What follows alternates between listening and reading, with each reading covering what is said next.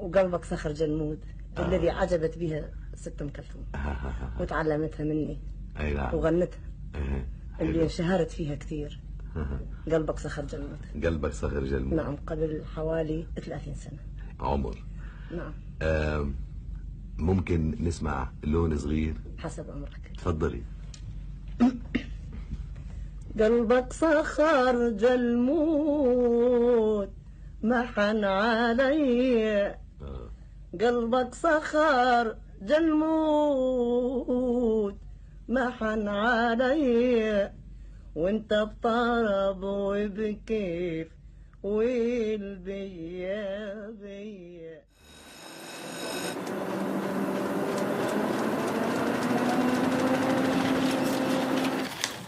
عنب بلدي بودكاست في حفل خطوبة الشاب الذي أحبته وقفت سليمة تغني. كانت والدة هذا الشاب الذي يدعى حياوي. قد دعت سليمة مراد لتغني في حفل خطوبة ابنها. كنوع من الإهانة لسليمة. لكن سليمة تصرفت بذكاء جاءت إلى الحفل. وبدأت الغناء بأغنيتها المعروفة خدري الشاي خدري.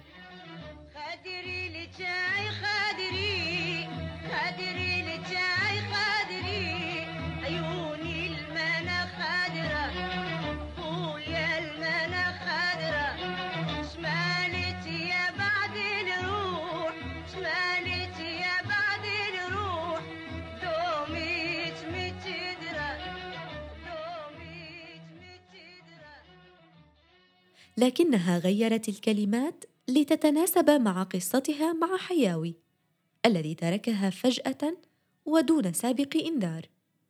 بعد أن خيرته والدته بين الزواج بفتاة اختارتها له فورا مقابل منحه حقه من الإرث. وزواجه بسليمة الذي إن تم ستحرمه من كل الأموال. وكانت عائلة حياوي عائلة يهودية معروفة في العراق. كانت معروفة بغناها ومكانتها الاجتماعية. لذلك حضر إلى حفل خطوبة حياوي جميع أعيان البلد من السياسيين والمثقفين والعائلات المعروفة.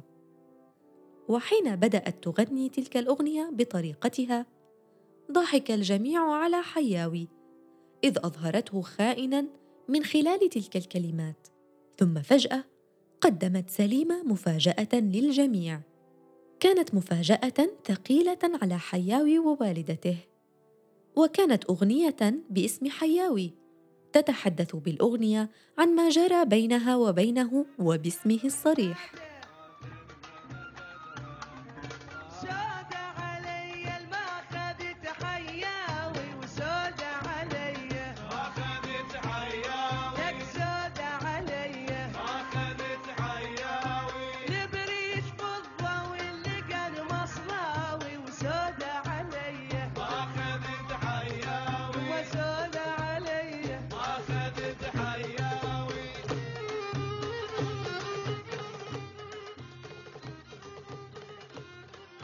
بعد هذا الموقف بسنوات طويلة. كانت مدعوة للمشاركة في حفل كبير لتؤدي أغانيها. وخلال الغناء لمحت حياوي من بعيد. كان يجلس بين الجمهور ينظر إليها. ومعه طفل صغير. كان هذا ابن حياوي. أنهت غناءها. ثم توجهت إليه وقالت له ساخرة من هذا الطفل يا حياوي؟ هل هو ابننا؟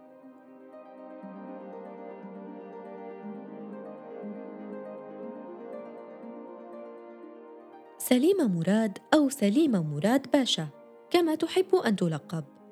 يقال إن لقب باشا لم يمنح لامرأة في العراق قبلها. وأن رئيس الوزراء نور السعيد هو من منحها هذا اللقب لأنه أعجب بصوتها وصار يتردد إلى ملهى الجواهر حيث تغني سليمة وتسهر كل يوم. هذا الملهى الذي يتردد إليه أكابر العراق. والعائلات من الطبقات البرجوازية. ورجال الأعمال أيضا. لكن سليمة أوضحت لاحقا أن هذه المعلومة ليست دقيقة. صحيح أن لقبها هو سليمة باشا وأصبح نور السعيد يناديها بهذا الاسم. لكن أول من منحها إياه هو شخص كان يجلس بين الجمهور. وحين صعدت الخشبة وبدأت تغني وقف وسط الحضور في منتصف الصالة. وقال لها أنت باشا. ومنذ ذلك الوقت صار اسمها سليمة باشا.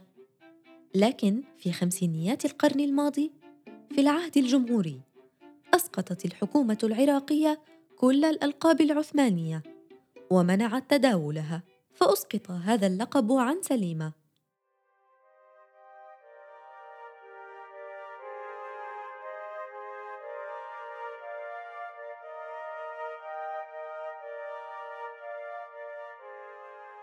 سليمة حصلت على تلك الموهبة من تلقاء نفسها.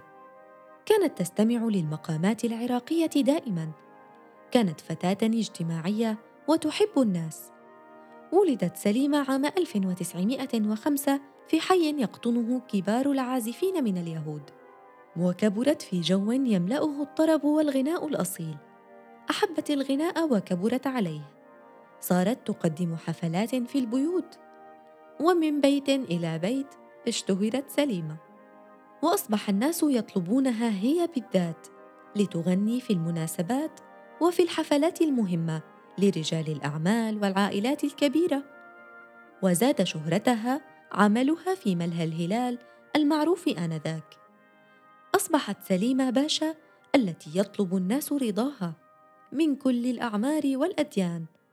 وعلى اختلاف ثقافاتهم ونظرتهم للفن الآن الحب يلفها من كل مكان واتخذت خطوات لم يسبقها أحد لها من قبل. المطربون كانوا يغنون الأغاني التراثية والشعبية المعروفة وأغاني لمطربين آخرين. لكن سليمة غنت ما كتب لها خصيصا وعرفت أغانيها بصعوبتها. ويقول الملحنون إن في حنجرتها خمسة عشر طبقة صوتية ولديها القدرة على التنقل بين الطبقات بسرعة وإتقان عجيبين. ومن الأغاني التي اشتهرت بها أغنية كتبها الشاعر عبد الكريم علاف الذي كتب معظم أغانيها.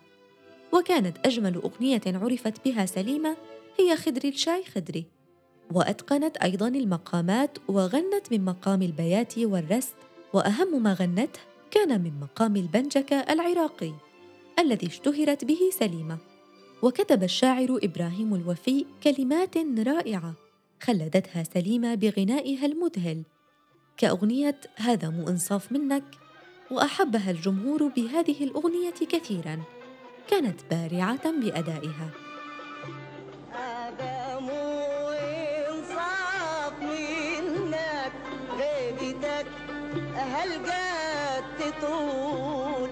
هذا مو إنصاف منك غيبتك هالقد تطول.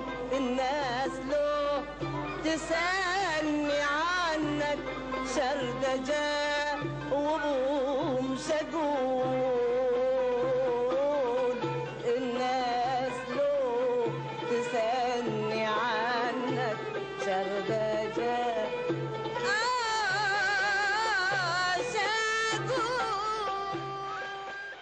العراق.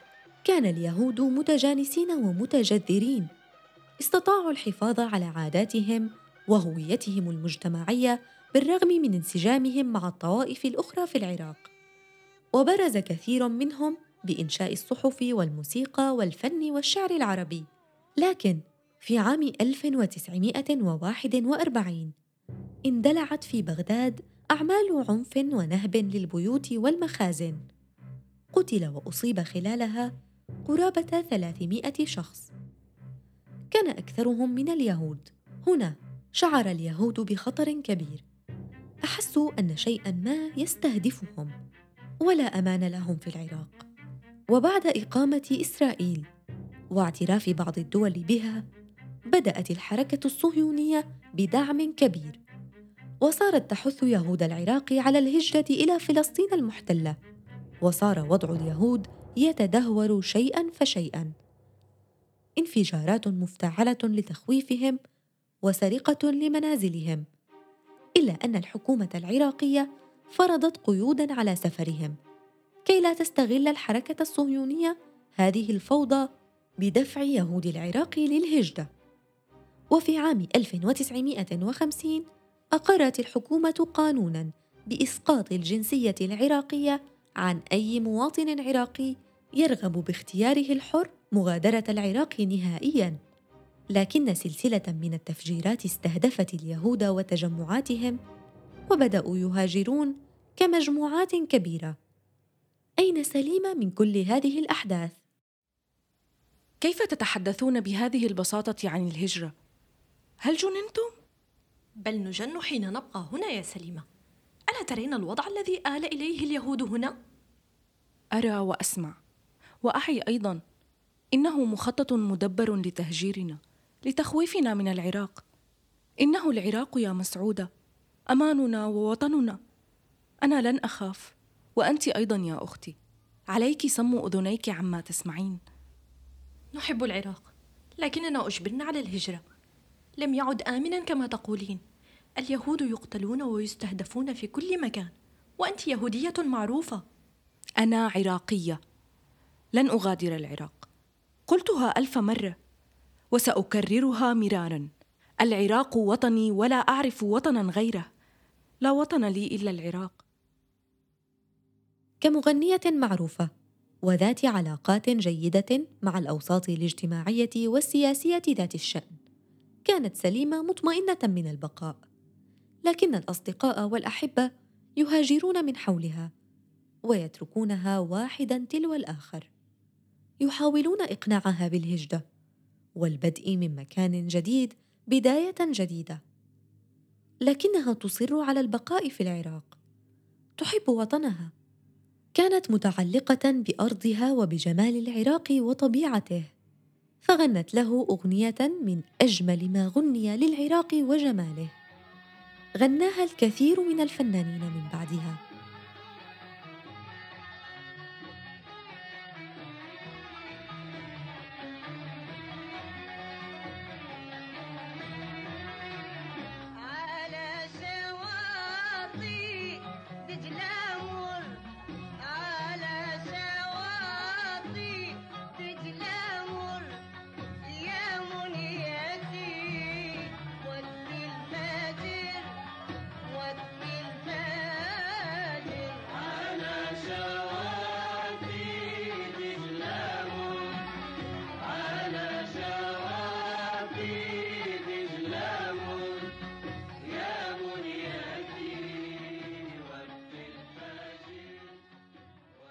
في إحدى الحفلات التي كانت في بيت من بيوت أحد المسؤولين العراقيين في بغداد. كانت سليمة مدعوة للغناء في هذا الحفل. لكن شابا وسيما صغيرا استلم الغناء قبل بدء سليمة. كانوا يعرفونه من خلال أحد معارفه الموسيقيين. كان ينظر إلى عيني سليمة. وتبادله النظر معجبة بموهبته وشخصيته الخجولة. وصار يتردد إلى الحفلات التي تتواجد فيها سليمة. تارة يغني معها بعد استئذانها وتارة تتركه يغني أغانيه وحده. كان ذلك الشاب ناظم الغزالي المغني الذي كان في بداية طريقه ويشقه بصعوبة بسبب أوضاعه المادية. في إحدى الحفلات كان ينظر إلى سليمة كعادته ويغني.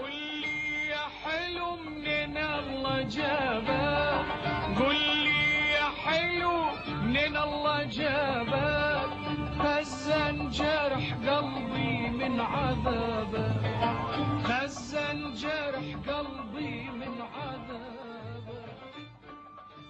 صار يتردد إلى سليمة لتعلمه التنقل بين المقامات والطبقات بشكل صحيح. ونشأت بينهما قصة حب ضجت بها وسائل الإعلام. بعض الناس استهجنوها ولأنه كان يصغر سليمة بقرابة العشرين عاما وكان مسلما وهي يهودية. كان الناس يعتقدون أنه يستغل اسمها وأموالها للظهور فقط. بقيت معه سليمة لسنوات طويلة تغني معه خلالها في الحفلات وتأخذه في سفرها حين تدعى للغناء خارج العراق. كانت تعمل معه وتدير الملهى الذي افتتحاه معا. وفي إحدى المرات حين سافروا لبيروت لإحياء حفلة انتهى ناظم من عمله وكان موعد طيارته يسبق موعد طيارة سليمة بيوم واحد ثم عادت سليمة إلى العراق.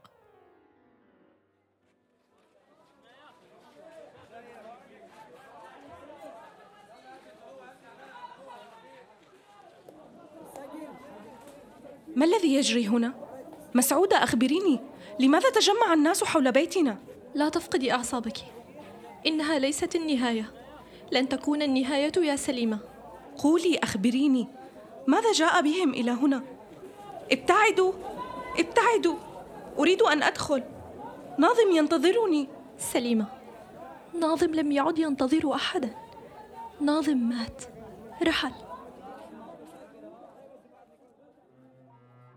أصيبت سليمة باكتئاب شديد. كان موت ناظم كالصاعقة عليها كما كان على العراق كله. بعض الإشاعات التي تقول إن شيئا ما حدث في بيروت بينهما. غارت عليه من إحدى الفتيات فأرسلت من يقتله. زادت الأمر سوءا عليها ولكنها خرجت عن صمتها.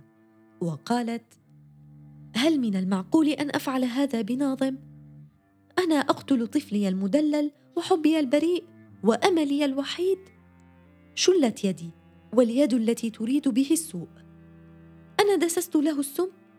هذا ما قالوه عني لينالوا ما تركه ناظم. وليتهم جاءوا دون إشاعاتهم القذرة لأعطيهم كل ما ترك ناظم وما أملك أيضا.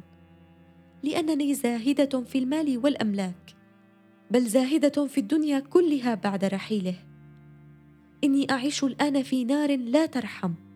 ليست نار الحب بل نار الفرقة التي احرقت ضلوعي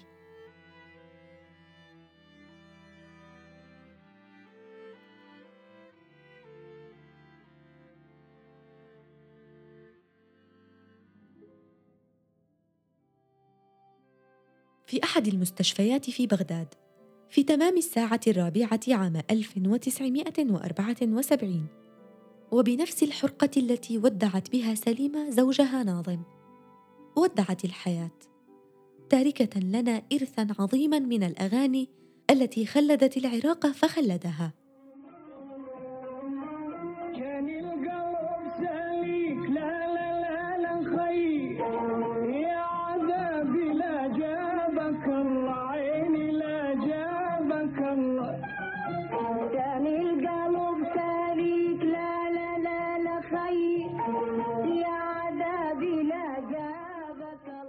استمعتم إلى بودكاست نساء من عنب بلدي. أعددت هذه الحلقة وقدمتها. أنا سكينة المهدي. نحن موجودون على Apple Podcast، Google Podcast و SoundCloud